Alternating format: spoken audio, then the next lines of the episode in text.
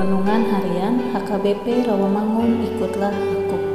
Kamis 21 September 2023 Dengan judul Bersyukur karena menjadi bagian dari pekerjaan Tuhan.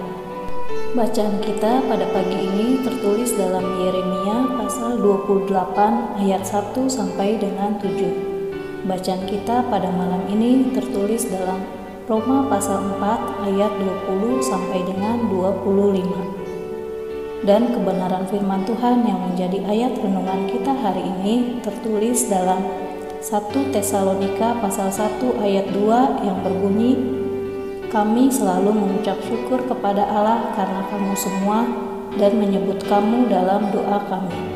Demikian firman Tuhan. Sahabat ikut laku yang dikasihi Tuhan Yesus.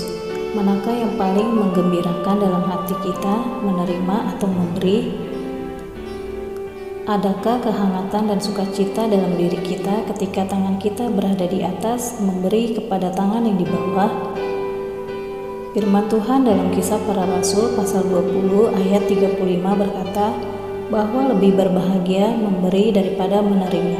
Alangkah senangnya hati bila dengan keikhlasan hati boleh memberikan kepada orang lain. Mungkin kita tidak kaya akan harta, kita hanya memiliki hati yang mau berbagi lalu kita memberi. Bayangkanlah jika untuk saudara atau bahkan yang tidak kita kenal saja kita memberi sudah bersuka cita. Bagaimana lagi kah sukacita bila kita menjadi orang yang menopang orang dalam pemberitaan Injil? Bagaimana lagi kah kegembiraan hati kita ketika kita boleh terlibat dalam menolong pemberita kabar baik? Paulus selalu bersyukur kepada Tuhan Allah bahwa Injil sukacita diterima oleh jemaat di Tesalonika dan berbuah dengan baik. Dulunya mereka adalah penyembah berhala, lalu menerima kabar baik melalui pemberitaan Paulus dan rekan-rekannya.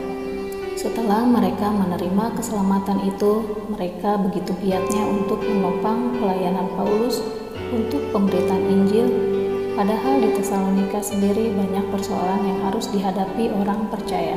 Inilah yang disyukuri Paulus. Dalam pergumulan, kesusahan pun hati mereka selalu tergerak untuk memberitakan Injil, bahkan orang-orang yang tidak mereka kenal di tempat pelayanan Paulus. Ibrani pasal 5 ayat 12 berkata dari segi waktu sudah seharusnya kita menjadi pengajar Injil Adakah kita merasa memiliki tanggung jawab untuk berdoa dan menopang pemberita Injil? Setidaknya di gereja kita. Amin. Marilah kita berdoa. Tuhan Allah, berilah kami Roh Kudus untuk memiliki hati yang terbeban untuk memberitakan Injil keselamatan-Mu.